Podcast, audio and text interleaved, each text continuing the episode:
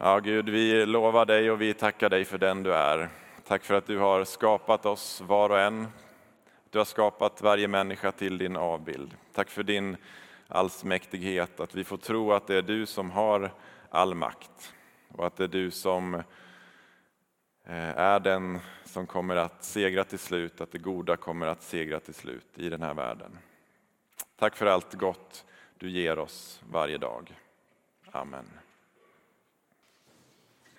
Vi är eh, varmt välkomna var och en att få fira gudstjänst idag. Den söndagen som är efter eh, gårdagens årsmöte som vi hade i församlingen. I gudstjänsten får vi vara tacksamma över det år som har varit och vi får be för det år som ligger framför och för de som är valda och för allt gott vi vill verka i det år som ligger framför.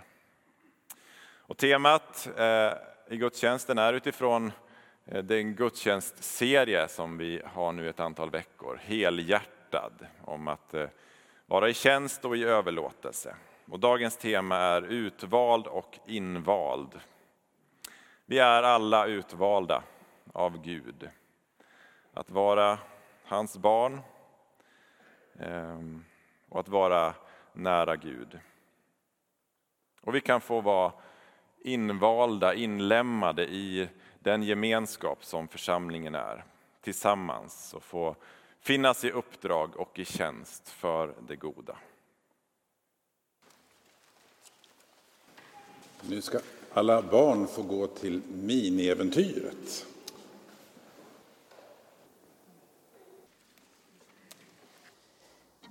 Vi ber.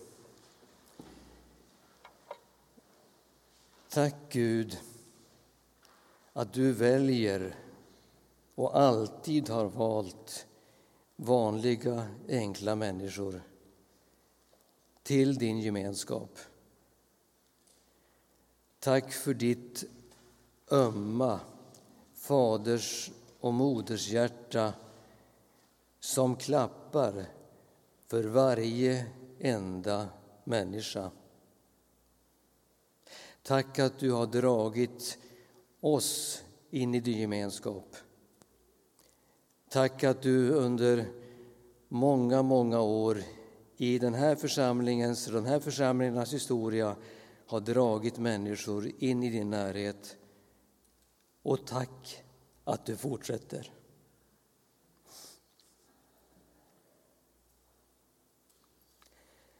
Rör vid våra hjärtan med din kärlek. Forma oss för ditt rike. Välsigna var och en av oss som rör sig i Anskarkyrkan. Led oss genom din goda heliga Ande. Välsigna de gåvor vi ger så att vi kan vara till välsignelse. Amen.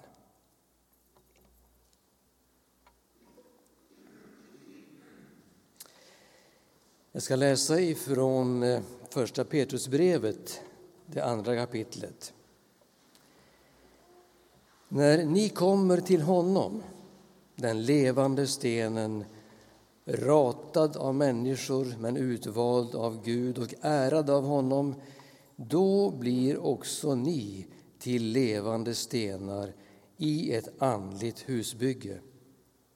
Ni blir ett heligt prästerskap och kan frambära andliga offer som Gud vill ta emot tack vare Jesus Kristus. Det står ju i skriften Se, på Sion lägger jag en hörnsten, utvald och ärad. Den som tror på den ska inte stå där med skam. Äran tillfaller alltså er som tror. Men för dem som inte tror har stenen som husbyggarna ratade blivit en hörnsten. En sten som de snavar på, en klippa som de stöter emot. De stöter emot därför att de inte lyder ordet. Så är det förutbestämt för dem. Men ni är ett utvalt släkte, kungar och präster, ett heligt folk Guds eget folk som ska förkunna hans storverk. Han har kallat er från mörkret till sitt underbara ljus. Ni som förut inte varit folk är nu Guds folk. Ni som förut inte fann barmhärtighet har nu funnit barmhärtighet.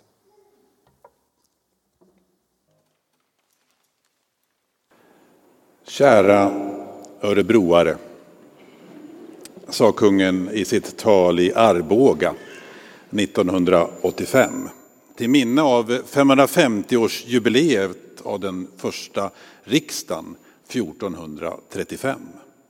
Alla de 10 000 besökarna skrattade åt honom och snart var det ute över hela landet. Tänk att det kunde bli så fel. Men jag som står i den här predikstolen rätt ofta och håller tal, precis som kungen, jag känner till hans hemlighet. Han är faktiskt bara människa. Jag vet inte om ni kände till det. Och som den människa han är så hade han fel. Han var i Arboga, inte i Örebro. Och han var till och med där på fel år. För historiker säger idag att det inte var några bönder representerade i Arboga 1435 och att vi därför borde räkna mötet i Uppsala året därpå som den första riksdagen. Av somliga så har eh, kungens misstag använts som argument för att vi borde införa republik istället och välja en president istället för att ha en kung som ärver sitt ämbete. Men jag kan berätta en hemlighet till. Presidenter är också människor, innerst inne. Och det är, om det är mänskligt att göra misstag så är kanske till och med presidenter ännu mänskligare än de flesta. Men från 1436 i Uppsala fram till den nya tvåkammarriksdagen 1866 så hade vi fyra ständer som utsåg kungar och som styrde Sverige. Det var bönderna som ägde marken och odlade maten. Det var borgarna, det vill säga handelsmännen och hantverkarna. Det var adeln, det vill säga ämbetsmännen, administratörerna och militärerna. Och så var det prästerna. Vad man nu skulle med dem till. Men de var ju utsedda av Gud, så vem kunde väl säga emot? Liksom? Men prästerskapets särställning avskaffades alltså 1866. Ungefär samtidigt, i samma tidsanda, så började människor i Sverige att läsa Bibeln på egen hand. När de gjorde det så upptäckte de någonting stort. Att det inte var Gud som höll människor tillbaka. Att Gud i själva verket använde vanliga människor till att göra ovanliga saker. När man själv började läsa så insåg man att det inte fanns en enda av Bibelns alla hjältar som inte var väldigt mänskliga. Med fel och brister, med tvivel och tveksamhet, men som ändå användes av Gud. Den upptäckten startade en revolution. En rörelse av vilka vi i Ansgarsförsamlingen är en del. Demokratiseringen av tron. När människor som inte är en del av den frikyrkorörelsen kommer till kyrkan så får jag ofta frågan om min roll. Vad är det för skillnad, säger de, mellan en präst och en pastor? Den frågan har jag fått flera hundra gånger. Men jag har aldrig förut svarat med hänvisning till fyrståndsriksdagen. Men faktum är att pastorer inte skulle ha kunnat bilda ett stånd. Det är ett sätt att uttrycka skillnaden, tror jag. För en präst är någon som är utvald av Gud. Som inte är som andra människor utan har en speciell roll. Att vara en medlare mellan Gud och människor. En präst förrättar offer. Det vill säga bär fram människors gåvor till Gud. En präst förmedlar Guds vilja och Guds förlåtelse. En präst står mellan altaret längst fram i kyrkan och församlingen. Eller i biblisk tid så var prästen den enda som fick gå in i det heliga och enbart översteprästen i det allra heligaste, där Gud tänktes vara. Ja, det är klart att då är vi ju andra, vi andra helt beroende av att prästen kommer ut därifrån och förmedlar Gud till oss. Här i kyrkan så har vi en liknande möbel längst fram, men vi kallar det inte för ett altare utan för ett bord. Och jag kallar mig inte för präst utan för pastor. Inte för att vi ska överdramatisera skillnaderna, men pastor är ett ord som betyder herde. Det vill säga den som går längst fram och leder de andra. Eller som går längst bak och tar hand om dem som inte riktigt hänger med. En pastor är alltså en medvandrare som visar andra var det finns bete, var det finns vatten, var det finns liv för människor att själva ta till sig. Jag ser mig inte som en förmedlare. Jag tror inte att det behövs. Så skillnaden mellan präst och pastor är på sätt och vis enorm. Men vad folk egentligen vill veta är ju vad det är för skillnad mellan den som jobbar i Svenska kyrkan och mig som jobbar i kyrkan. Och då brukar jag svara att det är ingen skillnad alls. I princip. Vi har samma utbildning, vi gör samma uppgifter men verkar i något olika miljöer. Och när någon ropar prästen efter mig så svarar jag trots att jag själv aldrig skulle kalla mig för präst. Somliga av er är historiskt intresserade och kunniga. Ni hade redan koll på allt om fyrståndsriksdagen och tvåkammarriksdagen, eller hur? Årtal och allt. Hur många? Ja, en och annan präst.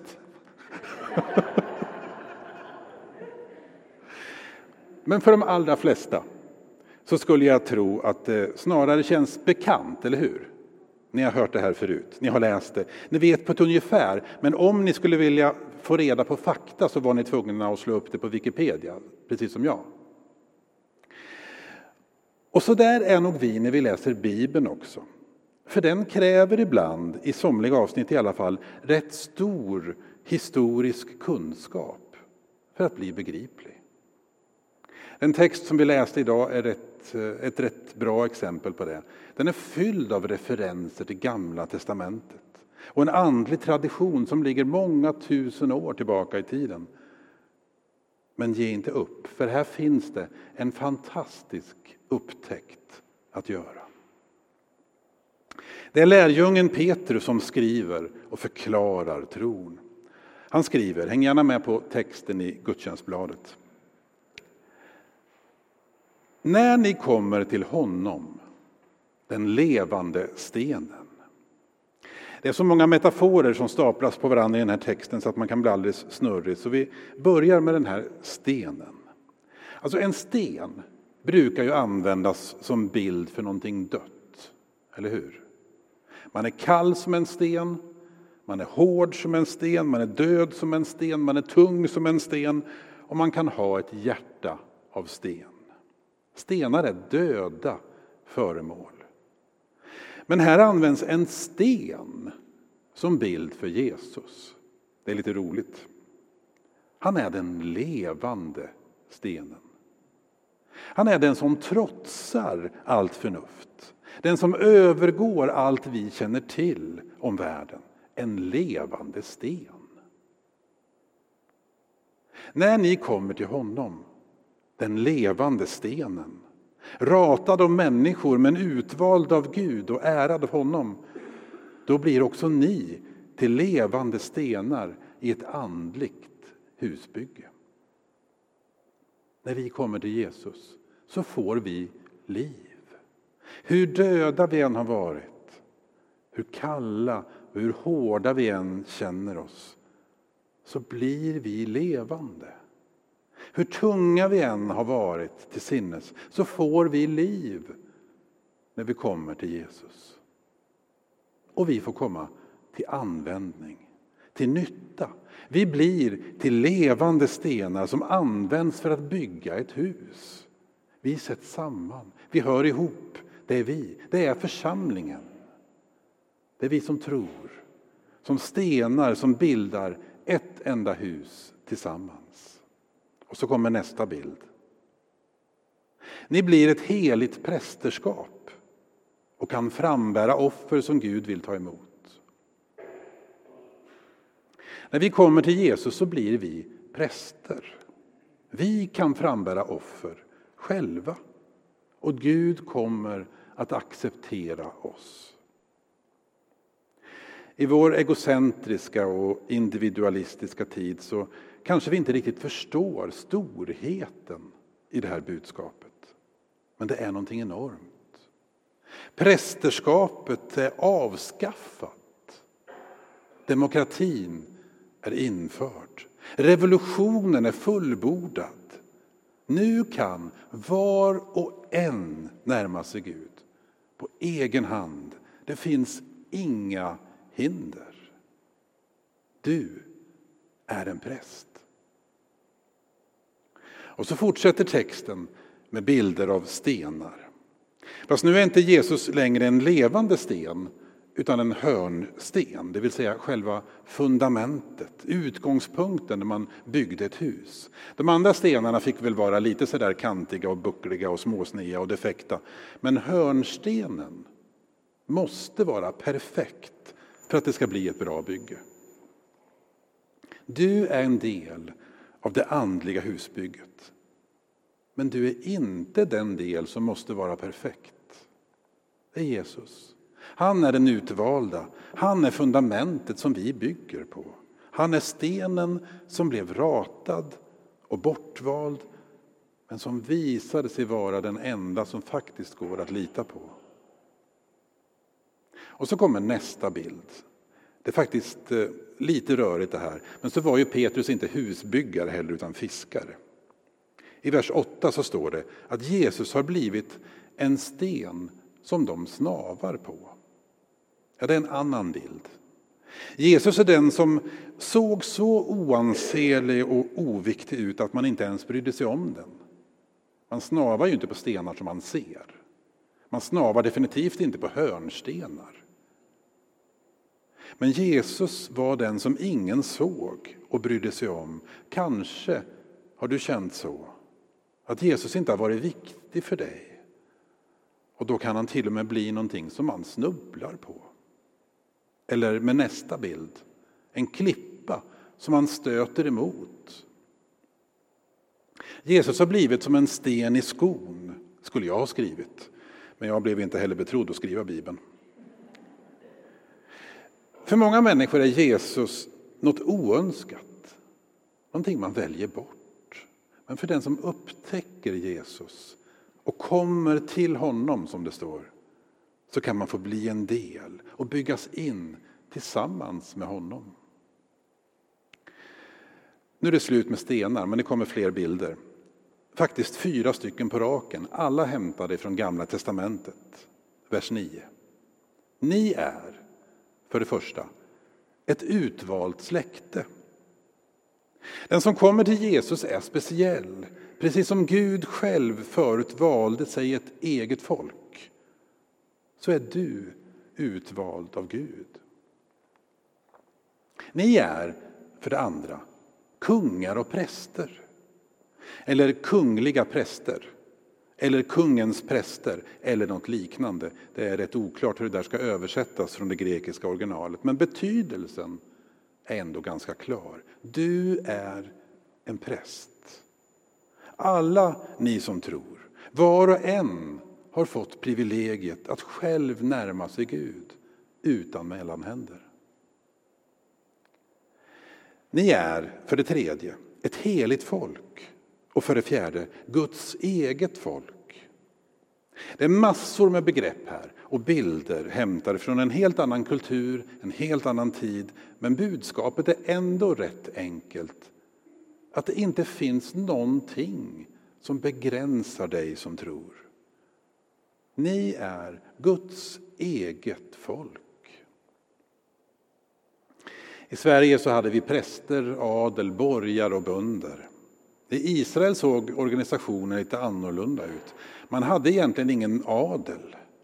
Man hade en idé om att marken skulle fördelas rättvist, att ingen skulle kunna lägga under sig för mycket. Det var och är ett väldigt annorlunda folk. En samling av stammar med samma väldigt annorlunda tro på en enda Gud som har skapat världen och vill den väl, vill den gott. Där fanns ingen adel, ingen borgarstånd, inga bönder som stånd. Men prästerna var en egen stam, ett eget stånd. De var utvalda och speciella. De förmedlade Gud till folket. Men nu säger alltså Petrus, Guds eget folk ska vara bara präster. Alla ska vara präster. Alla som kommer till Jesus blir en del av detta nya folk. Det utvalda släktet. Vad är det för skillnad mellan en präst och en pastor, brukar folk fråga mig. Och när jag förklarar att jag inte ser mig själv som annorlunda än någon annan så brukar de säga, men vad är det du får göra som ingen annan får göra? Och så får man gå igenom, vem som helst får be en gudstjänst. För här är ju alla präster. Vem som helst som tror får, får dela nattvarden och dela ut nattvarden. För här är ju alla präster. Vem som helst får predika. Vem som helst får döpa. Vem som helst får förrätta en begravning. Jo, så är det faktiskt. Men viga folk då, pastorn? Nej, viga folk får man inte göra hur som helst. Men det är inte av Gud som man blir utsedd till vigselförrättare utan av Länsstyrelsen eller Kammarkollegiet. Men den där skjortan då, pastorn? Ja, den har jag beställt på nätet. Den kommer inte heller från Gud faktiskt. Men vem som helst kan inte bära den. Den är en symbol för människors förtroende. Att jag har blivit granskad av människor och att de har uttalat ett förtroende för mig i min roll som pastor. Ja, men pastorn, varför har du en annorlunda skjorta då än Andreas har? Han, han hade ingen sån här vit rand här uppe. Nej, det är bara för att jag har en snyggare skjorta.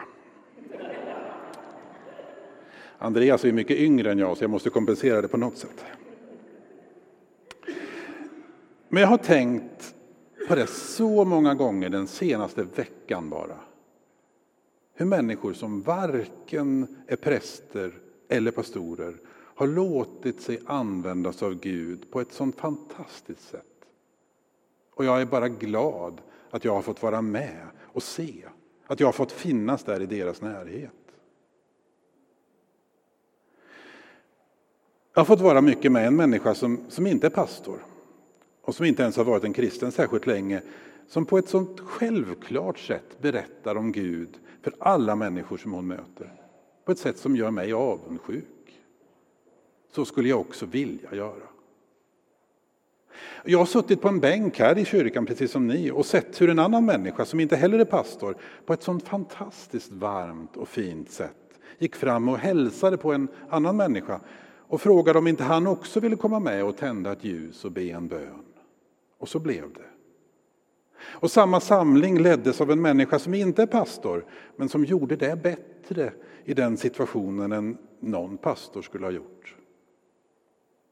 Jag har fått prata med en annan människa som inte heller är pastor, som berättar om sin passion, sin kallelse, att få människor att slappna av och känna sig välkomna i kyrkan genom att göra sin uppgift i serveringen till någonting mer än att bara ställa fram muggarna och ta bort dem efteråt. Och jag fascinerades över kärleken till människor och kärleken till Gud och hur den kom till uttryck i det där praktiska arbetet på det sättet. Jag har fått vara nära en annan människa den senaste veckan som inte är pastor men som har ställt upp för en medmänniska i en utsatt situation. Som inte bara har hjälpt till lite, som inte bara sagt att jag ska be för dig Utan som verkligen har klivit in och sagt det här löser jag, oroa dig inte. Och som har delat med sig av sitt liv till en annan människa. Och i varje sån situation så ser jag hur människor blir använda av Gud. Och det är så stort. Vi är ett utvalt släkte. Vi är ett heligt prästerskap. Alla vi som tror.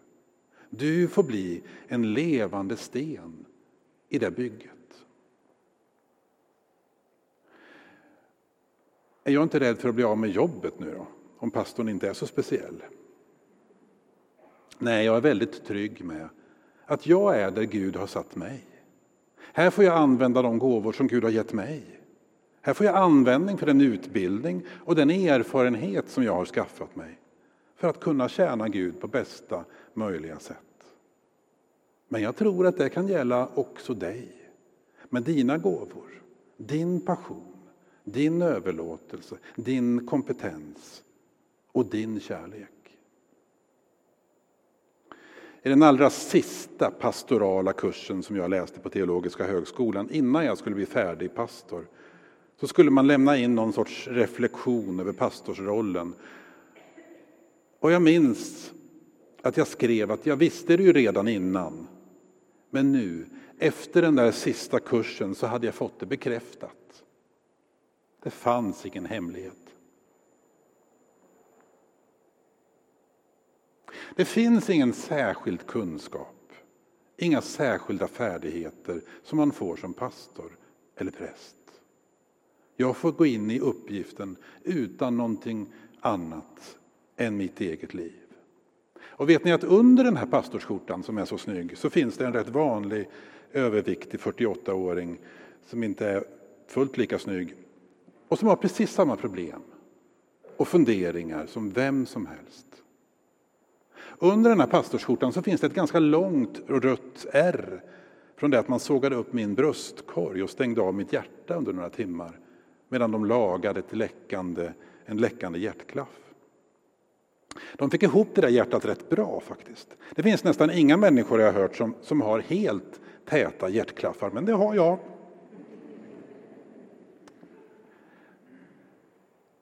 Men mitt hjärta var trasigt. Precis som ditt är ibland. Och jag tror att det är det som gör mig lämplig att vara pastor. Pastorer är också bara människor. De tråcklade ihop min bröstkorg med ståltråd. Ni vet att annan suturtråd den tas ju bort eller så är den av en sån art att den löses upp av sig själv efter ett tag. Men den där ståltråden, ja, den bär jag med mig. Så jag är faktiskt delvis gjord av stål. Men jag är inte Stålmannen. Det är väldigt lite stål. Eh, det är inte ens problem att gå igenom eh, tullen, så här, eh, ni vet, säkerhetskontrollen på flygplatsen. Det finns inga magiska krafter. Det finns inga fördolda hemligheter, bara ett R. Eller fler. Den som kommer till Jesus blir en präst, säger Bibeln. Det är ett bildspråk för att säga att var och en som tror själv har rätt att närma sig Gud.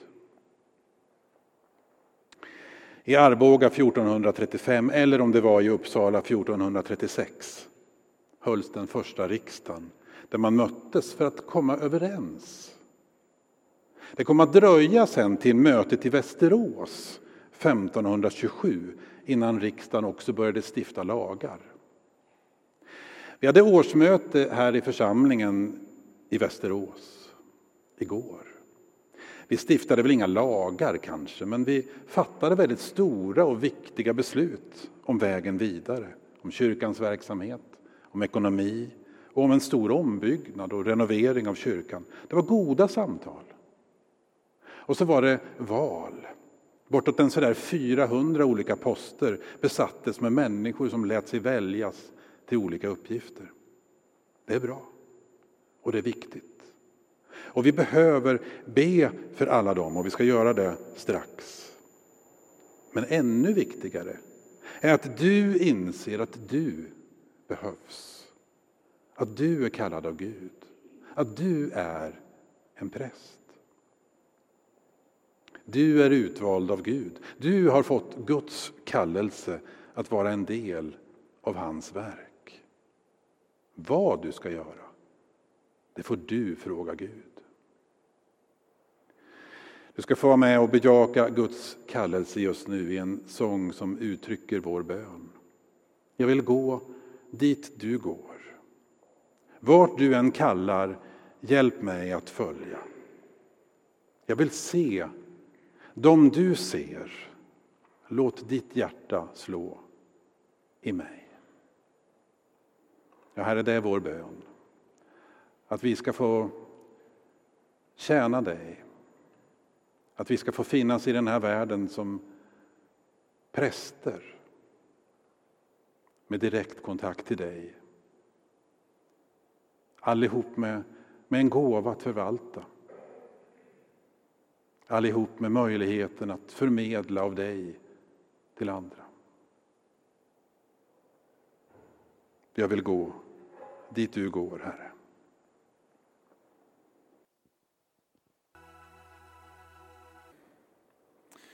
Fortsätter i gemensam bön.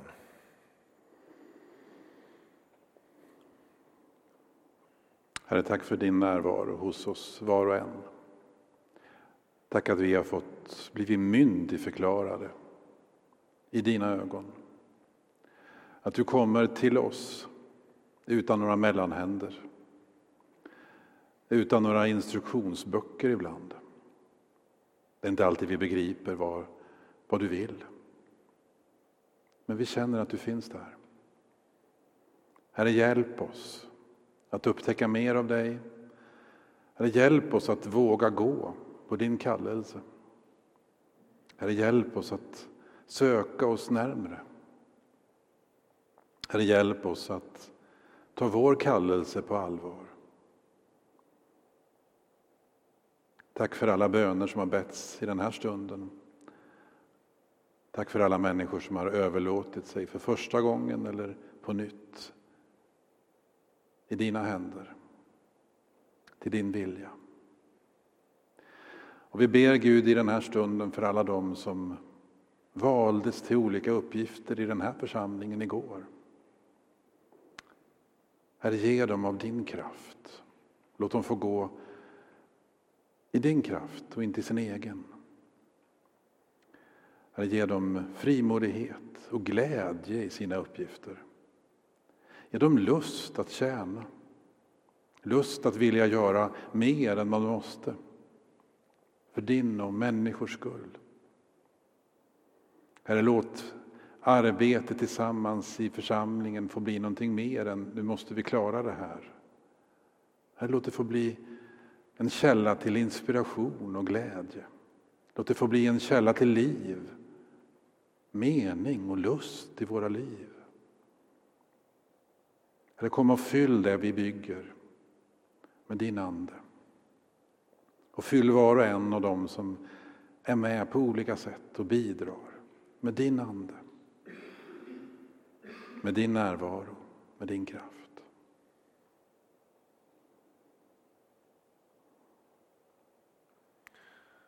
Jag tack att du hör bön, tack att du har hört alla böner som vi ber dagligen, de vi har bett den här stunden. Du ser de ljus vi har tänt. Herre, ta emot de bönerna. Vi ber också med de bönelappar som är skrivna. Vi ber för vår församling, för våra barn och barnbarn. Herre, ta och lyssna till den bönen. Vi ber för vår gemenskap. Vi ber att vi ska kunna ha en god gemenskap. Trots att vi är olika, trots att vi är människor. Att vi kan få umgås och hitta varandra. Och vi ber för barnen, vi ber för barnbarn. De som är framtid och nu, de som bidrar med liv i gemenskapen. Be för min kusin som är svårt cancersjuk. Att verken släpper och behandlingen har effekt. Jag ber att du hör den bönen, att du kommer nära, Ber om ditt helande Gud. Ber att min resa till Irland går som planerat. Herre, tack att du är med överallt i den här världen. Vi ber att du ska beskydda resan till Irland och vi ber om att din närvaro ska upplevas där också. Be för en man som står inför ett besked om eventuellt spridd cancer. Be om välsignelse och lugn för honom och hans familj. Herre, du ser den här situationen och jag ber att du ska vara nära. Att din frid på något sätt ska kunna råda i det som känns svårt och kanske hopplöst. Kom med din kraft, ditt ljus.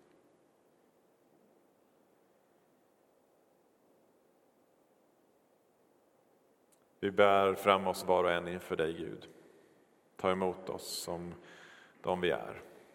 Vi ber för oss själva. Vi ber för vår stad, för Västerås och vi ber för vår värld. Vi nämner särskilt Venezuela nu i oroligheterna där. Vi ber för de länder som vi har stödjer arbetet i, speciellt i Kongo och Thailand. Tack Gud att du hör bön. Amen.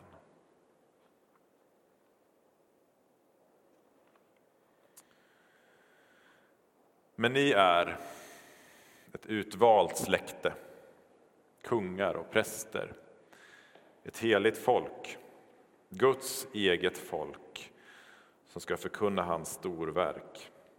Han har kallat er från mörkret till sitt underbara ljus.